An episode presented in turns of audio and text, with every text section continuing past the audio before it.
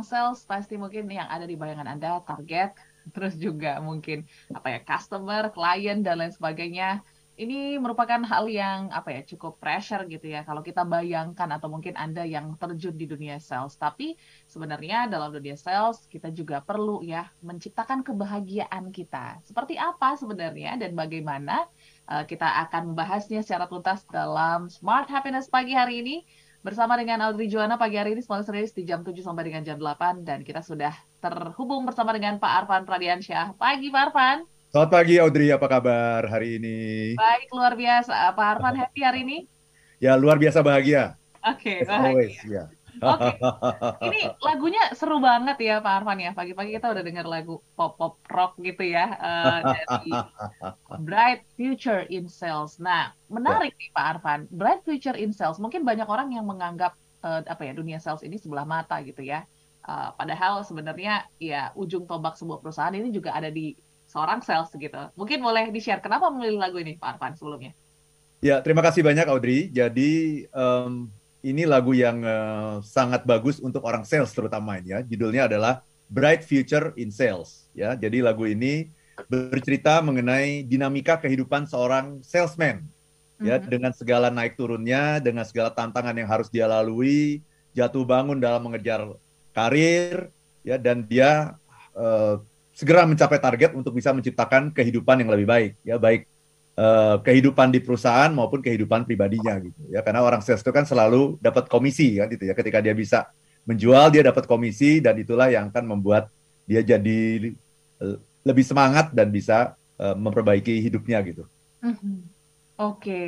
jadi uh, apa ya seorang sales ini kalau kita bilang kan memang apa hidupnya penuh apa target ya Pak Arfan ya karena kalau tidak achieve ya. ya nggak dapat komisi dan lain sebagainya. Ini ini merupakan sebuah pressure nggak sih Pak Arfan untuk para tim sales yang mendengarkan kita pada pagi hari mungkin? Ya, jadi uh, talk show kita pada pagi hari ini ya saya dedikasikan terutama kepada tim sales dan juga tentunya kepada semua perusahaan ya. Karena tidak ada satupun perusahaan di dunia ini yang tidak membutuhkan orang sales. Ya, karena orang sales itu adalah ujung tombak dari perusahaan gitu.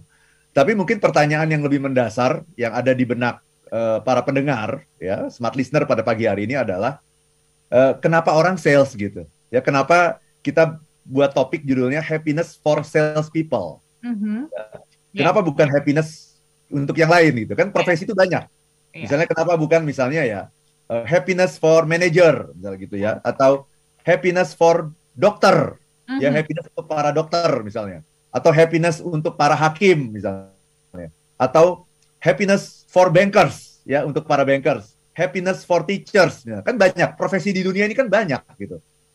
Ya, kenapa uh, saya membuat sebuah uh, talk show ya, mendedikasikan talk show ini happiness for sales people. Mm-hmm. Ya, karena profesi sales ini unik gitu. Ya, kalau profesi-profesi yang lain yang saya sebutkan tadi ya, happiness for dokter, untuk hakim, untuk bankers, untuk insinyur ya, untuk pilot misalnya gitu ya. Okay. Itu semuanya sudah tercover dengan ketika minggu yang yang lalu kita membahas yeah. mengenai happiness at work. Nah, itu sudah tercakup itu semuanya itu. Hmm. Tetapi yang belum tercakup adalah sales karena orang sales itu adalah uh, profesi yang sangat unik gitu ya. Jadi apa yang sangat unik ya? Yang sangat unik nomor satu adalah orang sales itu adalah orang yang paling sering ditolak. Oke. Okay. Tidak ada profesi di dunia ini selain sales yang ditolak. Yeah, yeah. Coba misalnya uh, seorang dokter gitu. Mungkin nggak dokter itu ditolak sama pasiennya?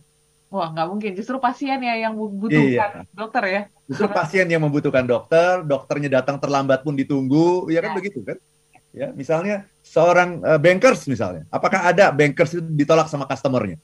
Nggak ada. Nggak pernah ada. Seorang pilot misalnya, pilot ditolak sama penumpang uh, maskapainya. Nggak berangkat, Pak. Nggak ada. Iya. Nggak pernah ada. Seorang guru ditolak sama muridnya. Mhm. Nggak pernah ada. Gitu. Jadi satu-satunya profesi di dunia ini yang harus menghadapi penolakan itu adalah yang namanya orang sales. Ya. Uh, profesi sales ini selalu dihindari sama banyak orang gitu ya. Jadi ketika ada orang bertemu dengan orang sales sudah langsung ngomong, eh hati-hati ini orang sales. Mm. Dia mau jualan, hati-hati kamu gitu. Ya. Jadi uh, kita perlu sebuah kiat tersendiri gitu ya. Bagaimana orang-orang sales ini bisa tetap perform gitu. Karena ternyata Audrey dari hasil pengalaman saya gitu ya berinteraksi dengan banyak orang sales termasuk di perusahaan saya sendiri ya. masalah orang sales itu sebetulnya bukan masalah skills Mhm. ya. Bukan masalah teknis masalah orang sales itu tapi masalah psikologis Oh, gitu. Oke. Ya, ya. jadi kalau masalah skills itu tinggal gampang saja. Kalau anda punya orang sales punya masalah skills kirim ke pelatihan Iya. nanti dia akan belajar teknik-teknik pelatihan eh, teknik-teknik penjualan bagaimana dia mendekati pelanggan Mhm. mendekati prospek bagaimana dia menjelaskan mengenai benefit dari produknya ya sampai terakhir ujungnya adalah bagaimana caranya supaya bisa closing gitu kan seperti itu.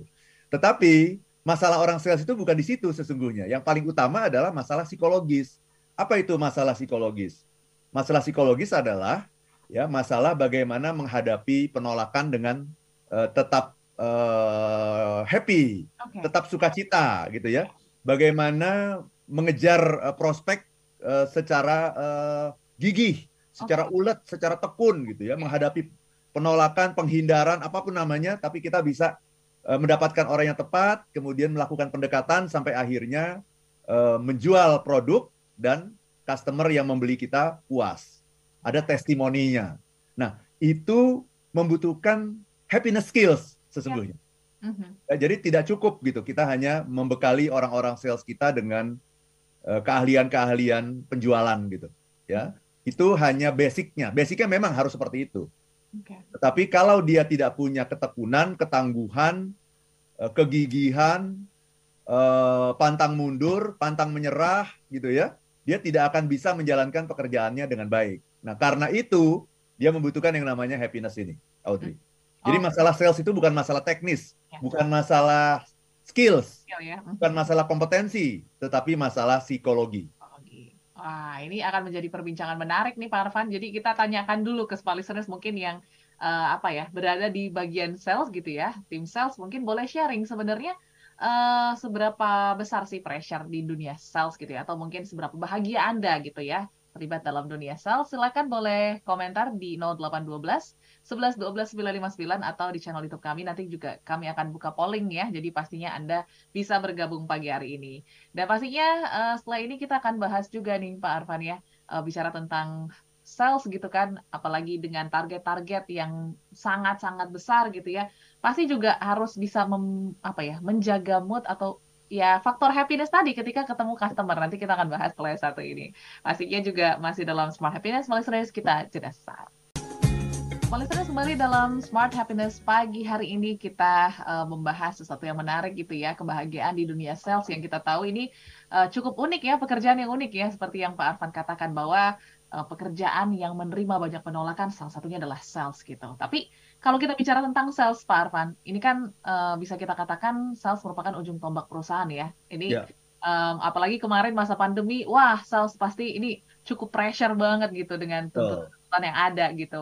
Nah ini merupakan apa ya sebuah faktor juga nggak sih mereka sulit untuk bahagia gitu karena yaitu beban perusahaan itu ada di mereka semua Pak Arfan. Ya, sebetulnya lebih kepada mindsetnya sih yang harus kita Oke. luruskan. Ya. Ya, banyak orang sales yang juga tidak menghargai dirinya sendiri. Mhm. Itu masalahnya. Ya, banyak orang sales yang tidak menghargai dirinya sendiri. Ya, dengan menganggap bahwa profesi sales itu misalnya ya Mhm.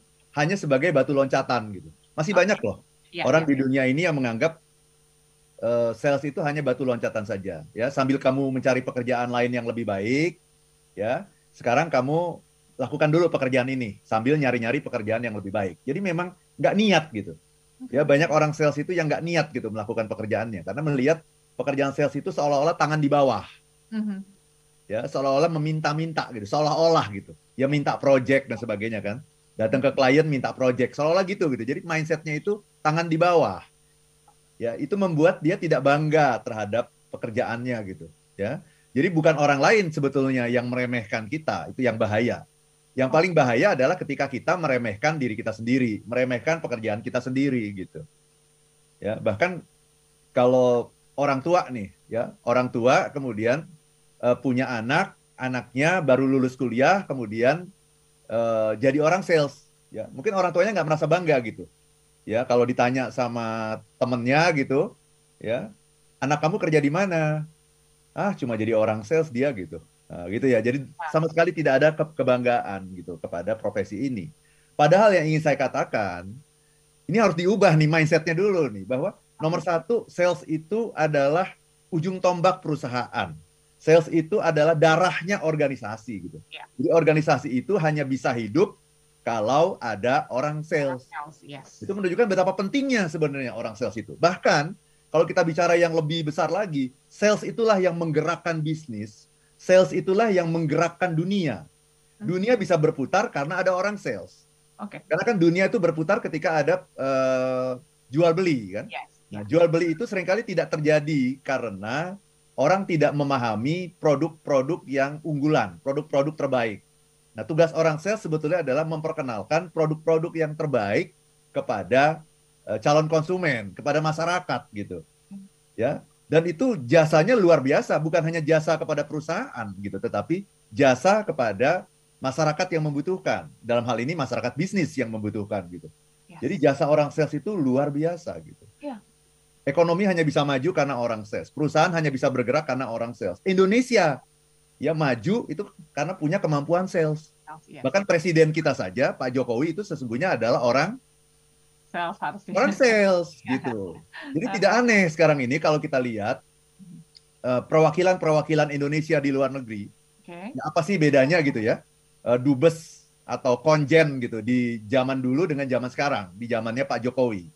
Sangat berbeda. Bedanya adalah kalau zaman dulu dubes itu cuma menjalankan tugas, hubungan diplomatik, ya, uh, perdagangan dan sebagainya. Kalau sekarang yang namanya dubes, konjen itu harus jualan. Dubes dan konjen di luar negeri kita itu sekarang ini, Mhm. ya itu adalah dijadikan orang sales, harus jualan, Okay. harus jualan ke mana-mana. Itu beda, jadi mindsetnya beda gitu. Jadi mestinya kalau anda jadi orang sales atau anda punya teman, punya anak jadi orang sales, anda harus bangga, gitu. Tetapi yang lebih penting lagi sebetulnya bukan itu. Apakah anda sebagai orang sales sendiri bangga nggak anda jadi orang sales? Banyak sekali orang sales tuh yang nggak bangga dengan pekerjaannya gitu. Dan itulah sesungguhnya masalahnya yang utama. Sehingga dia punya keahlian apa pun, itu mental semua gitu ketika dia tidak bangga dengan eh, apa yang sedang dia lakukan hari ini gitu. Oke. Nah, ini uh, luar biasa gitu ya Pak Arfan. Ini mengingatkan kita untuk tidak apa ya, meremehkan pekerjaan-pekerjaan yang ada karena semua ada fungsi masing-masing dan uh, visi masing-masing seperti seorang sales gitu ya. Tadi Pak Arfan mengatakan bahwa ya seorang sales ini kan memang punya tanggung jawab yang berat, tapi ya kita harus punya apa ya kesadaran dulu dan kebanggaan dulu masing-masing gitu ya, sehingga menjalaninya itu happy gitu. Nah untuk menemukan apa ya sebuah makna gitu ya dalam kita melakukan tugas seorang sales gitu, itu tuh seperti apa Pak Arfan? Karena kan mungkin prosesnya cukup panjang ya, karena mungkin di awal dengan pressure yang berat, dengan mungkin target yang berat juga, itu kadang menutup kadar kebahagiaan kita gitu di awal. Gimana cara menemukannya, Pak Arfan? Kita harus mengubah mindset kita, ya. Hmm. Jadi nomor satu, sales itu adalah pekerjaan yang membanggakan, itu dulu gitu, okay. ya. Kenapa membanggakan? Ya, nomor satu, saya ingin ingin bilang bahwa tidak ada perusahaan yang tidak butuh orang sales. Yes. Nggak ada. Yeah. Jadi kalau anda menjadi orang sales, mm -hmm. hidup anda aman. Okay. Ya, profesi yang paling aman di dunia itu apa? Coba. Sales, ya. sales. Ya. Nah, ini yang sering kali orang lupa gitu dengan mindset-mindset seperti ini. Profesi yang paling aman di dunia adalah orang sales. Kenapa? Karena Anda mau masuk perusahaan apa pun, Anda pasti diterima. Ya. Tidak ada satupun perusahaan di dunia ini yang tidak membutuhkan orang sales. Tidak ada. Ya, kalau perusahaan tidak butuh orang sales, perusahaan itu akan uh, bangkrut, akan tutup dia. Ya. Bahkan, kalaupun tidak ada yang mau menerima Anda, nah ini ya, tidak ada yang mau menerima Anda, nggak masalah. Yang namanya orang sales itu, kalau nggak ada perusahaan yang mau menerima dia pun nggak ada masalah. Kenapa? Karena dia punya kemampuan sales. Dia bisa jualan. Dia bisa jualan sendiri. Dan sudah banyak orang-orang yang membuktikan bisa jualan di Instagram. Jualan itu juga nggak harus punya toko. Kita bisa jualan di Instagram, bisa jualan di sosial media. Kenapa? Karena sekarang ini setiap orang punya channel masing-masing gitu. Kita bisa jualan di YouTube. Tapi kalau Anda punya keahlian menjadi orang sales, Anda harus tahu bahwa hidup Anda itu aman. Mhm. Hidup Anda itu aman. Tidak ada perusahaan yang tidak butuh orang sales, itu satu. Bahkan Anda tidak bisa di PHK. Oke. Karena seandainya pun itu terjadi pada diri Anda, nggak masalah. Anda bisa jualan. Ya. Orang yang bisa jualan itu bisa hidup. Mhm. Itulah bedanya profesi sales dengan profesi yang lain. Kalau profesi yang lain, begitu Anda di eh, nomor satu, tidak semua perusahaan membutuhkan Anda. Nomor dua, ya ketika Anda tidak diterima di perusahaan mana pun, Anda nggak bisa ngapa-ngapain. Oke. Kalau orang sales dia bikin usaha sendiri, namanya juga orang sales gitu. Oh, Jadi, ketika kita menyadari seperti itu, ya maka eh, kita akan bangga dengan pekerjaan orang sales gitu. Mhm. Akan bangga kita bahwa eh saya orang sales nih. Ya saya saya orang hebat gitu. Ya saya dibutuhkan di mana pun dan saya juga tidak butuh perusahaan. Kalaupun saya mau bekerja sendiri, saya juga bisa bekerja sendiri. Saya bisa menentukan hidup saya sendiri. Nah itu itu nom- nomor satu kita harus masuk ke mindset itu gitu. Kalau tidak, kita tidak akan pernah bangga dengan pekerjaan eh, sales dan tidak akan pernah bisa mencapai yang namanya happiness at work itu. Yes. Itu Audrey. Mhm. Nah, bicara lagi tentang eh, kebanggaan gitu ya, Pak Arfan ya. Ini kan eh, apa ya? Hal yang mungkin cukup PR ya di kita semua gitu. Karena pa- pasti ada masanya kita merasa lelah sekali gitu dengan pekerjaan gitu ya. Apalagi mungkin kliennya susah di approach nih Pak Arfan. Kayaknya aduh ini eh, melelahkan gitu untuk saya. Nah, ini eh, sebenarnya bagaimana untuk kita bisa konsisten gitu ya untuk punya rasa kebanggaan sebagai seorang sales yang kita tahu ini skillnya itu juga sangat dibutuhkan di mana-mana gitu Pak Arfan. Ya, em, ini masalah meaning ya. Oke. Bagaimana kita memberikan makna kepada pekerjaan kita gitu. Pekerjaan seberat apa pun, kalau diberikan makna yang benar, maka dia akan menjadi sesuatu yang membahagiakan. Jadi rumusnya adalah, ya, ketika kita meaningful, itu kita pasti happiness. Tapi kalau meaningless, itu kita akan suffer, kita akan menderita. Ya, jadi maknanya apa? Nah ini, orang sales itu sering kali melihat pekerjaannya itu sebagai tangan di bawah. Ya. Sebagai tangan di bawah, sebagai kayak mengemis-ngemis gitu ya, meminta Ya. project gitu kepada eh, prospek gitu. Tolong Pak kasih saya project gitu ya. Kasih saya pekerjaan seolah-olah begitu. Padahal orang sales itu adalah orang profesi yang membantu dunia ini berputar. Perusahaan itu bekerja itu karena ada orang sales. Tanpa ada orang sales, perusahaan itu produk sebagus apa pun tidak akan pernah bisa sampai ke tangan orang yang membutuhkan kalau tidak ada bantuan orang sales. Yes. Produk sebagus apa pun. Aha. Kalau tidak ada yang memperkenalkan, ya produknya akan mubazir dan Ya. orang-orang mungkin akan mendapatkan produk yang salah gitu.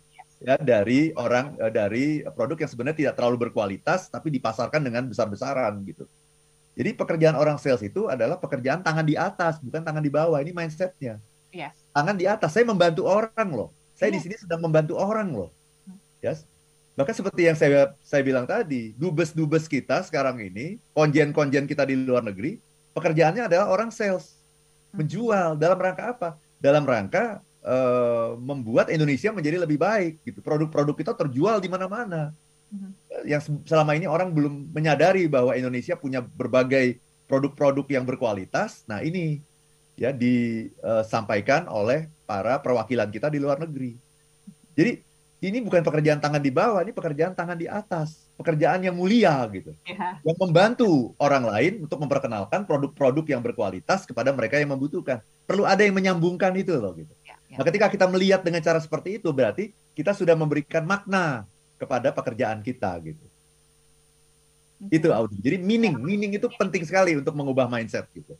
Ya. Meaningful barulah mendapatkan kebahagiaan. Kalau meaningless baru suffer gitu ya Pak Arfan ya. Meaningless yang yang dirasakan cuma tantangannya aja. Aduh kok berat ya. Itu namanya meaningless. Aduh Iya. kok berat ya. Aduh kok saya ditolak terus ya. Kalau meaningful adalah wah ini eh, pendekatan saya ini belum berhasil nih. Ya. Saya harus cari nih pendekatan lain yang lebih berhasil. Kenapa? Saya yakin kok produknya bagus ini. Produknya ini eh, berkualitas ini. Kok dia belum belum melihat itu ya? Coba-coba saya pikirkan gimana ya caranya ya untuk bisa membuat orang melihat seperti yang saya lihat gitu. Mhm, mhm.